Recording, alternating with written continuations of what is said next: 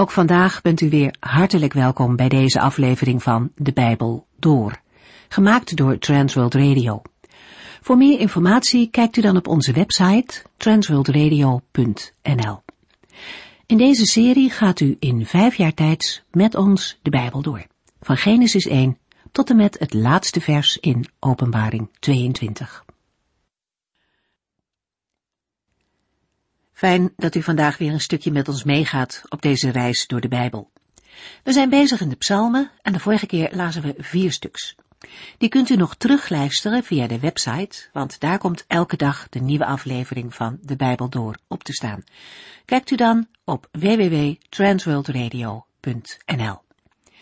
En daarnaast raad ik u eigenlijk ook aan om de besproken psalmen zelf nog eens rustig door te lezen. Er is zoveel meer uit te halen dan wij in dit halve uur per dag kunnen doorgeven. Zo viel een vers uit Psalm 86 mij op. Geef dat ik niet innerlijk verdeeld zal zijn, maar alleen u zal dienen. Of, zoals de MBG-vertaling schrijft, verenig mijn hart om u te vrezen. Wat is dat een mooie beeldspraak. Hoe makkelijk kan iemands hart naar de Here uitgaan en tegelijkertijd ook naar dingen die je van hem wegtrekken. Ons hart is soms zo makkelijk verdeeld. En David vraagt hier om een hart dat in geen enkel opzicht verdeeld, tweeslachtig is, maar dat in alle opzichten gericht is op de Here. Met zijn hele hart, met zijn hele wezen wil hij de Here toegewijd zijn. En niets is hem beter dan dicht bij God te leven, elk moment en in alles wat hij doet. Hij vraagt de hulp van God om dat in praktijk te brengen. Hij wil wel, maar realiseert zich dat het hem zelf niet zal lukken. Psalm 86 is overigens de ene in dit derde deel van de psalmen dat Davids naam in het opschrift draagt. Psalm 88 heeft weer een andere toon. Deze psalm uit een stuk bitterheid. De dichter maakt een donkere periode door en hij heeft geen zicht op uitkomst. En lang niet altijd en alles loopt goed af. En toch blijft hij, net als Job, vasthouden aan de Heere God. Hij laat niet los, ondanks het lijden wat hij meemaakt. Hij blijft volhouden en zijn zaak bij de Heere neerleggen. De nood waar de dichter in verkeert kan heel herkenbaar zijn. Vanuit het Nieuwe Testament mogen wij echter des te meer vasthouden aan de belofte van de Heere dat Hij ons te hulp komt in moeite en zorg. Hij heeft zelf geleden en Hij begrijpt waar mensen doorheen gaan. En in alles wat hopeloos is, kan de Heere nieuwe hoop geven en in elke duisternis is zijn licht toch sterker. Psalm 89 lijkt in eerste instantie een antwoord te bieden op de klachten van Psalm 88. Maar aan het eind van het lied blijkt dat de klachten en vragen ook hier de boventoon voeren. De psalm is gemaakt naar aanleiding van de moeilijk te begrijpen ervaring dat de Heere zijn belofte over Davids nakomelingen niet lijkt na te komen. De uitverkoren koning wordt een verworpen koning. De dramatische verwikkeling is zichtbaar in de geschiedenis van het koningshuis van David en vormt de inhoud van deze psalm. De dichter gaat omzichtig, maar ook fundamenteel te werk. Hij looft Gods almacht en trouw in de versen 1 tot en met 19. Daarna gaat hij over op de belofte dat Davids nakomelingen het volk altijd zullen blijven besturen. De versen 20 tot en met 38. In de versen 39 tot en met 52 laat de dichter de tegenstelling zien met de ervaren werkelijkheid en bidt hij om vervulling van de belofte. De psalm is een klaagzang en een gebed, waarin de nood van het koningshuis en het volk wordt bezongen. De psalm wordt ook wel bij de koningspsalmen gerekend, omdat het koningschap bezongen wordt, maar de dichter zelf was waarschijnlijk geen koning. De klacht van het lied is te vergelijken met psalm 44. Net als psalm 88 is psalm 89 een leerzaam gedicht van een Esrachiet, dit keer van Ethan. De psalmen van de Esrachieten Heman en Ethan Psalm 88 en 89 horen bij elkaar. In 1 Kronieken 6 worden deze wijze mensen in één adem genoemd met Asaf. Psalm 89 vers 2 en 3. Ik wil alleen nog maar zingen van de goedheid en genade van de Heere, van alles wat Hij voor mij heeft gedaan. Van generatie op generatie zal ik getuigen van uw trouw. Ik zeg dan, uw goedheid en liefde gelden eeuwig, tot in de hemel blijkt hoe trouw u bent. De psalmist wil altijd de goedheid van de Heere bezingen. Zo moet het generaties lang doorgaan. Hij verklaart dat Gods goedheid en trouw voor eeuwig in de hemel zijn gegrondvest. De dichter looft op deze manier wie de Heere is en hoe hij handelt. Het is een handelen dat uitgaat van liefde, maar ook van trouw aan eenmaal gegeven beloften en woorden. Hiermee wordt de kern van de problematiek van de psalm geraakt. In de versen 4 en 5 spits Gods handelen zich toe op een concrete situatie en wordt een citaat van het verbond van de Heere met David en zijn nakomelingen gegeven. De Heere had de verantwoordelijkheid op zich genomen om Davids troon voor altijd in stand te houden. Hiermee is de basis gelegd voor het thema dat in Psalm 89 naar voren komt. Daarna volgt in de Hebreeuwse tekst aan het eind van vers 5 het woordje Sela. Het woordje Sela komt 71 keer voor in de psalmen, bijna altijd in de liederen van David, uitgezonderd psalm 66 en 67. Ook in Habakkuk 3 staat het drie keer, zodat het in totaal 74 keer voorkomt in het Oude Testament. Waarschijnlijk is het een muzikale aanduiding. Psalm 89 vers 6 Here, daarom wordt uw grote macht tot in de hemel geprezen. Alle gelovigen loven u om uw trouw. Van zijn eigen lofzang gaat de dichter naar de lofzang in de hemel. Aarde en hemel zingen samen. Daarom volgt, na de toespitsing op David, een veel breder lied. Gods trouw en wonderen worden in de hemel betuigd en geprezen. Wie in de hemel kan naast de Heere staan? Wie onder de goden is als hij? De Heere wordt gevreesd in de hemelse raad en door alle heilige engelen die hem omringen. Wie is machtig als de Heere van de hemelse legers, terwijl zijn trouw van hem afstraalt? Hij heerst over de omstuimige zee en bedaart de hoogste golven. Vers 11 wordt verschillend vertaald. Wij lezen over Egypte, terwijl in andere vertalingen de naam Rahab opduikt of het zeemonster Rahab. Rahab is een zeemonster dat in het Oude Testament vaker wordt genoemd. Bijvoorbeeld in Job 9 vers 13, Job 26 vers 12 en Jesaja 51 vers 9 en 10. De naam is niet in iedere vertaling terug te vinden, maar wel in de Hebreeuwse tekst van het Oude Testament. In Jesaja 30 vers 7 en Psalm 87 vers 4 wordt het gebruikt om er Egypte mee aan te duiden.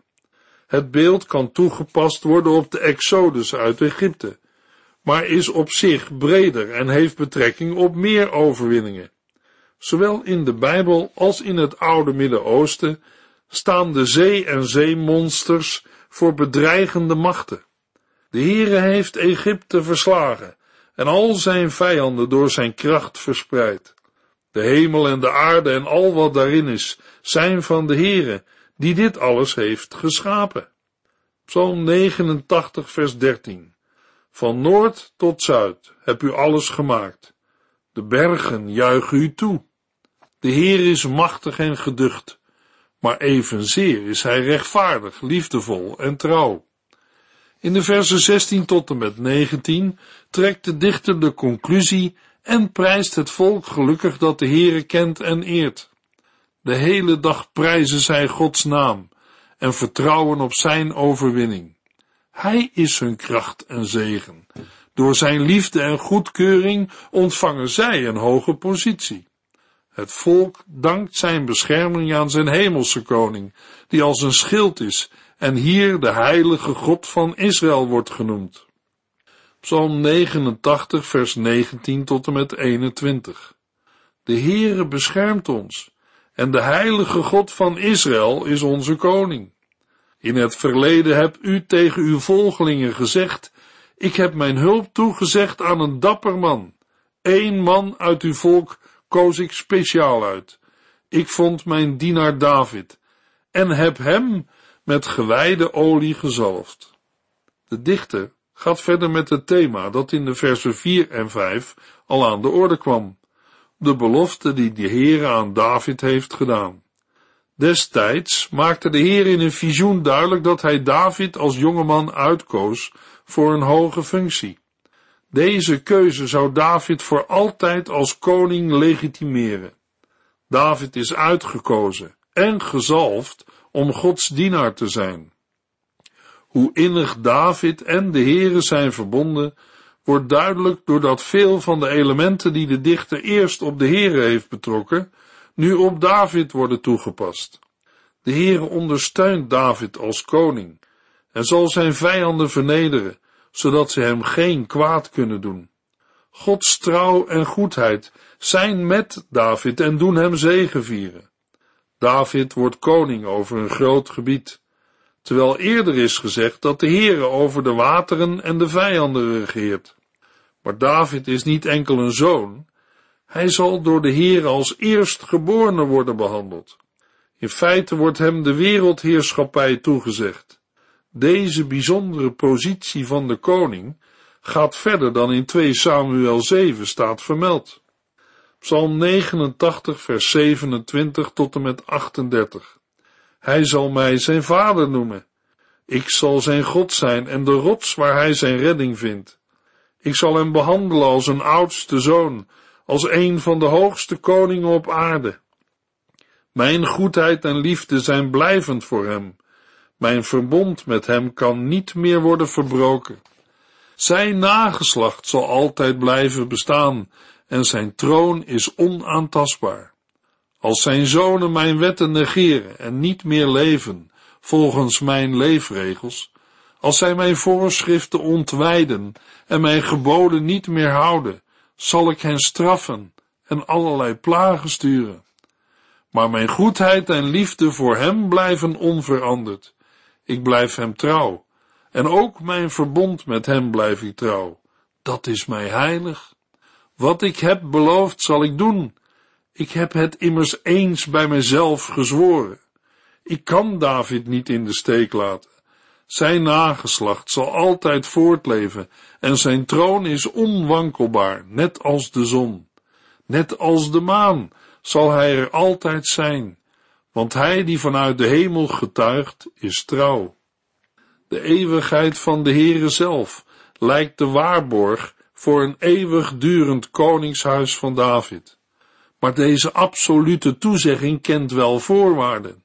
Als de koninklijke nakomelingen ongehoorzaam zijn en de wetten van de Heere en zijn geboden naast zich neerleggen en ontwijden, zal de Heere hen straffen.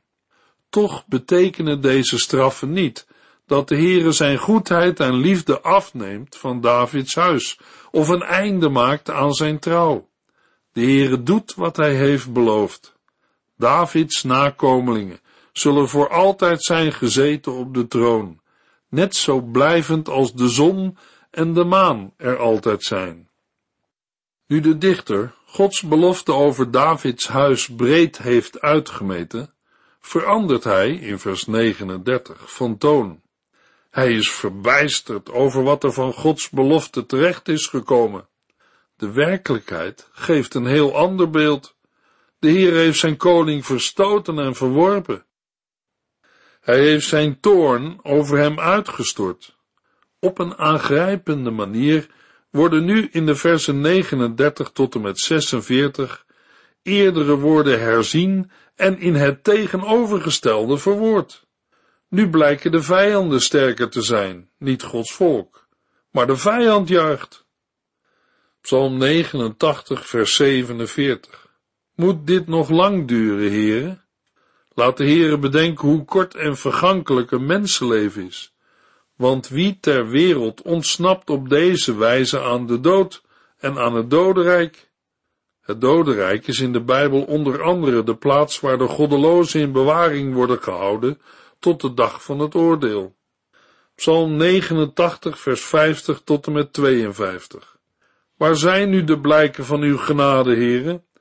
U hebt die eens aan ons toegezegd, zelfs met een eed aan David gezworen. Kijk toch, heren, hoe uw dienaren worden bespot en hoe alle volken ons uitlachen, hoe ook uw tegenstanders de spot met ons drijven.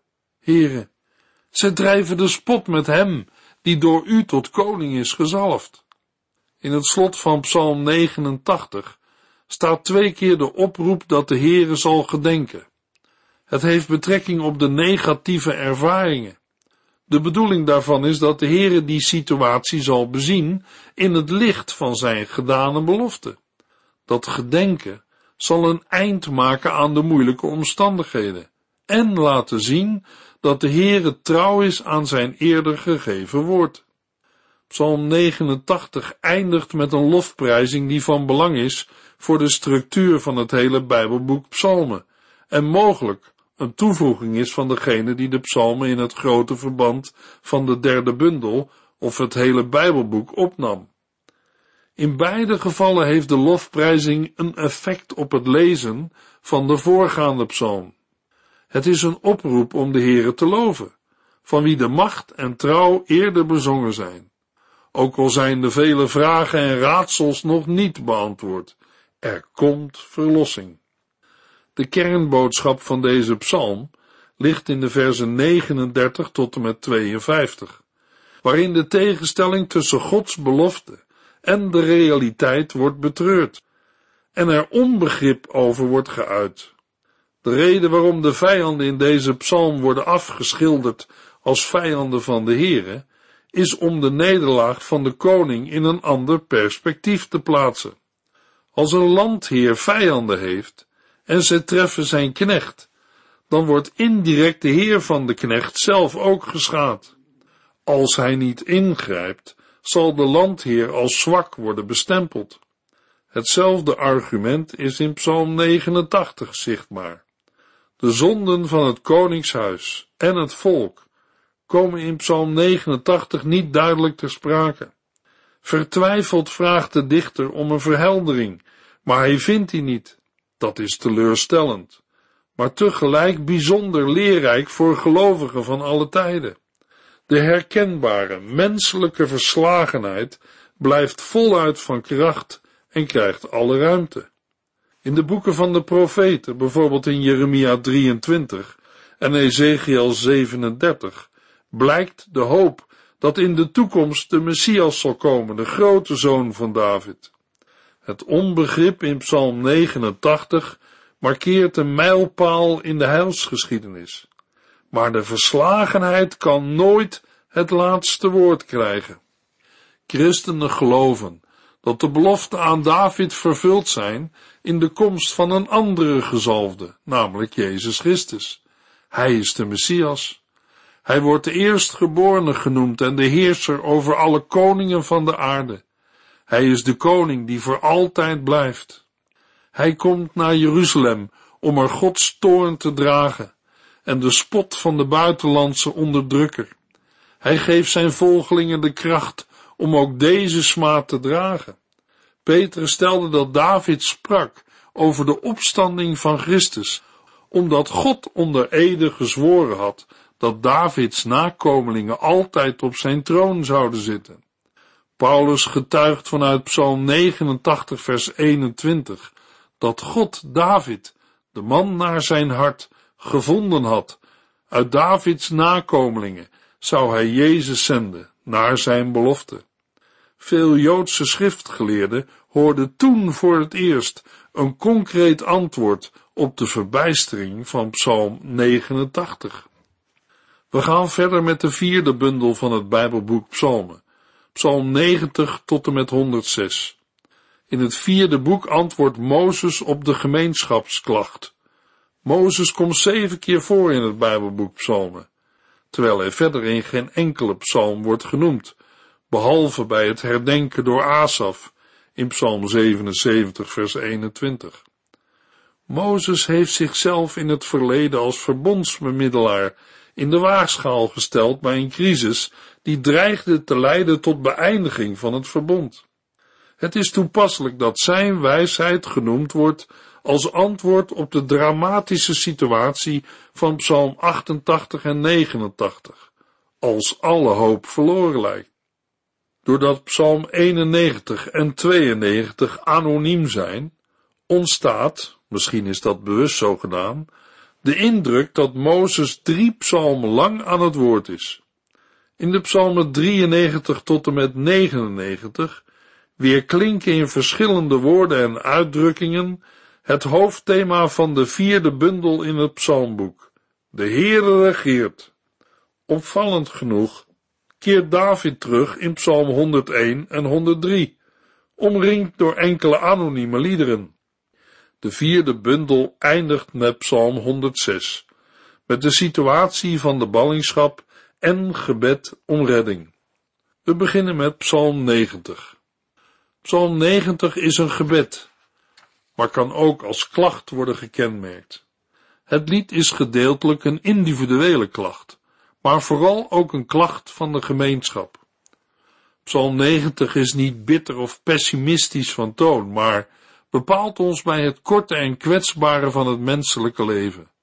Daartegenover schildert Psalm 90 Gods eeuwige grootheid. De psalm heeft een ingewikkelde opbouw. Er zijn twee hoofddelen, een meditatief deel in de versen 1 tot en met 12 en een deel met smeekgebeden in de versen 13 tot en met 17. Beide delen zijn met elkaar verbonden door twee overgangsversen, de versen 11 en 12. De twee eerste versen vormen de inleiding van Psalm 90 en de versen 16 en 17 de afsluiting. Psalm 90 is de enige tekst in het psalmboek die wordt toegeschreven aan Mozes.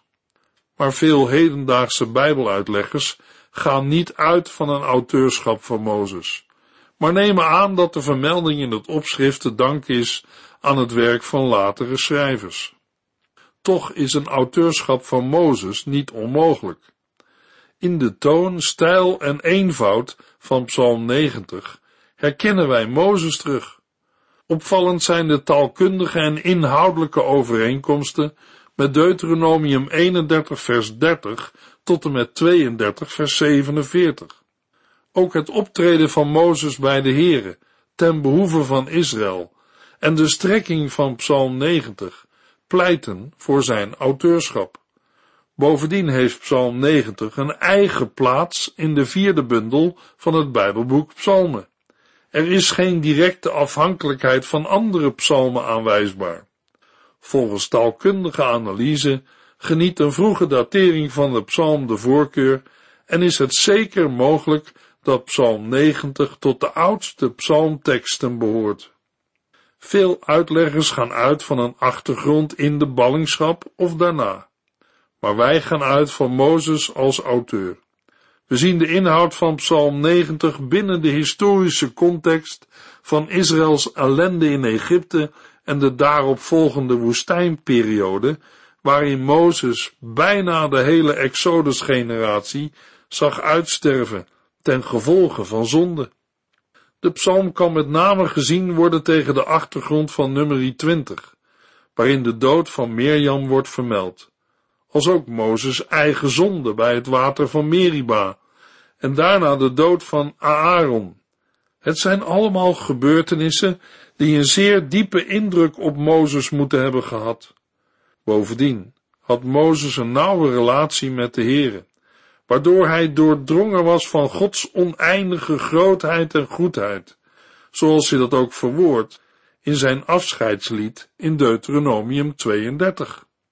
Dood, zonde, menselijke vergankelijkheid, Gods grootheid en zijn schepping zijn motieven in Psalm 90, die ook in andere teksten van Mozes doorklinken. Psalm 90, vers 1 tot en met 6. Heren, van generatie op generatie hebben wij onze hulp en kracht bij u gezocht.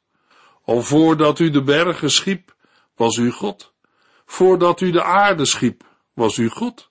Vanuit de eeuwigheid van oudsher tot in de eeuwigheid in de verre toekomst bent u God. U laat de mens sterven en vergaan tot stof. U zegt, word weer stof, mensenkinderen. Duizend jaar betekenen niets voor u. Ze zijn voor u als wat een dag is voor ons. Voor u zijn ze in een oogwenk voorbij. Jaren gaan aan u voorbij, als een kort moment van insluimeren bij het ontwaken morgens, als gras dat snel groeit. S'morgens groeit en bloeit het nog, en s'avonds verdort het alweer. De soevereine God die de wereld heeft gemaakt en bezit, mag worden aangeroepen als schuilplaats in nood. De eerste verzen benadrukken hoe snel de generaties uit het verleden voorbij gaan. Dit vluchtige staat in schril contrast met Gods eeuwigheid. De Heere is niet aan tijd onderworpen en voor hem is duizend jaar als een dag. Dan volgt het voor de Israëliet bekende beeld van gras dat snel groeit. Zo is de situatie van de mens en de oorzaak ervan wordt in het vervolg duidelijk gemaakt. In de versen 7 tot en met 10 blijkt de oorzaak. De hele mensheid ligt door de zonde onder Gods toorn. Het beste van het mensenleven, dat 70 of 80 jaar kan duren, wordt beschreven als moeite en verdriet. Daarbij is één ding zeker. Het leven vliegt voorbij. De versen 11 en 12 vormen een thematische verbinding tussen de twee hoofddelen van Psalm 90.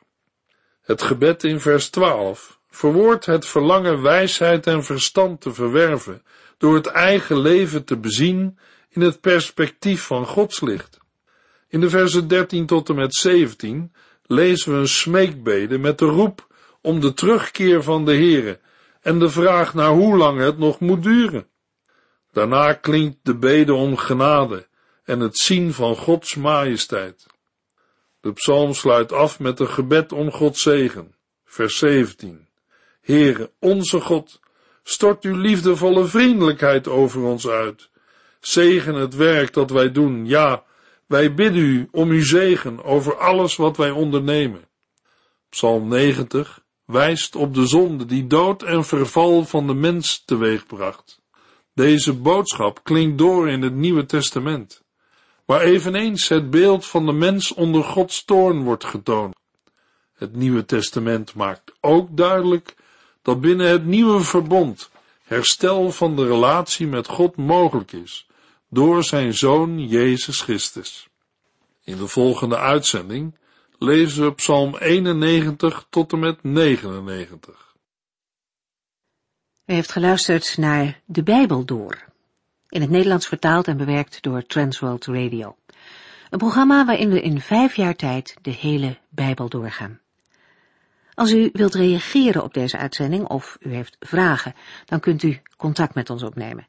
Tijdens kantooruren kunt u bellen op 0342 47 8432 0342 47 8432.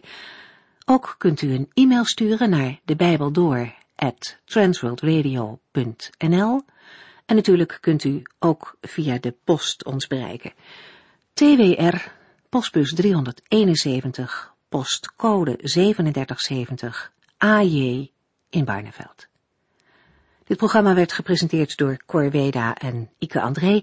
Techniek was in handen van Odin van Voerkom. En wij allemaal bedanken u voor het luisteren. Graag tot de volgende keer.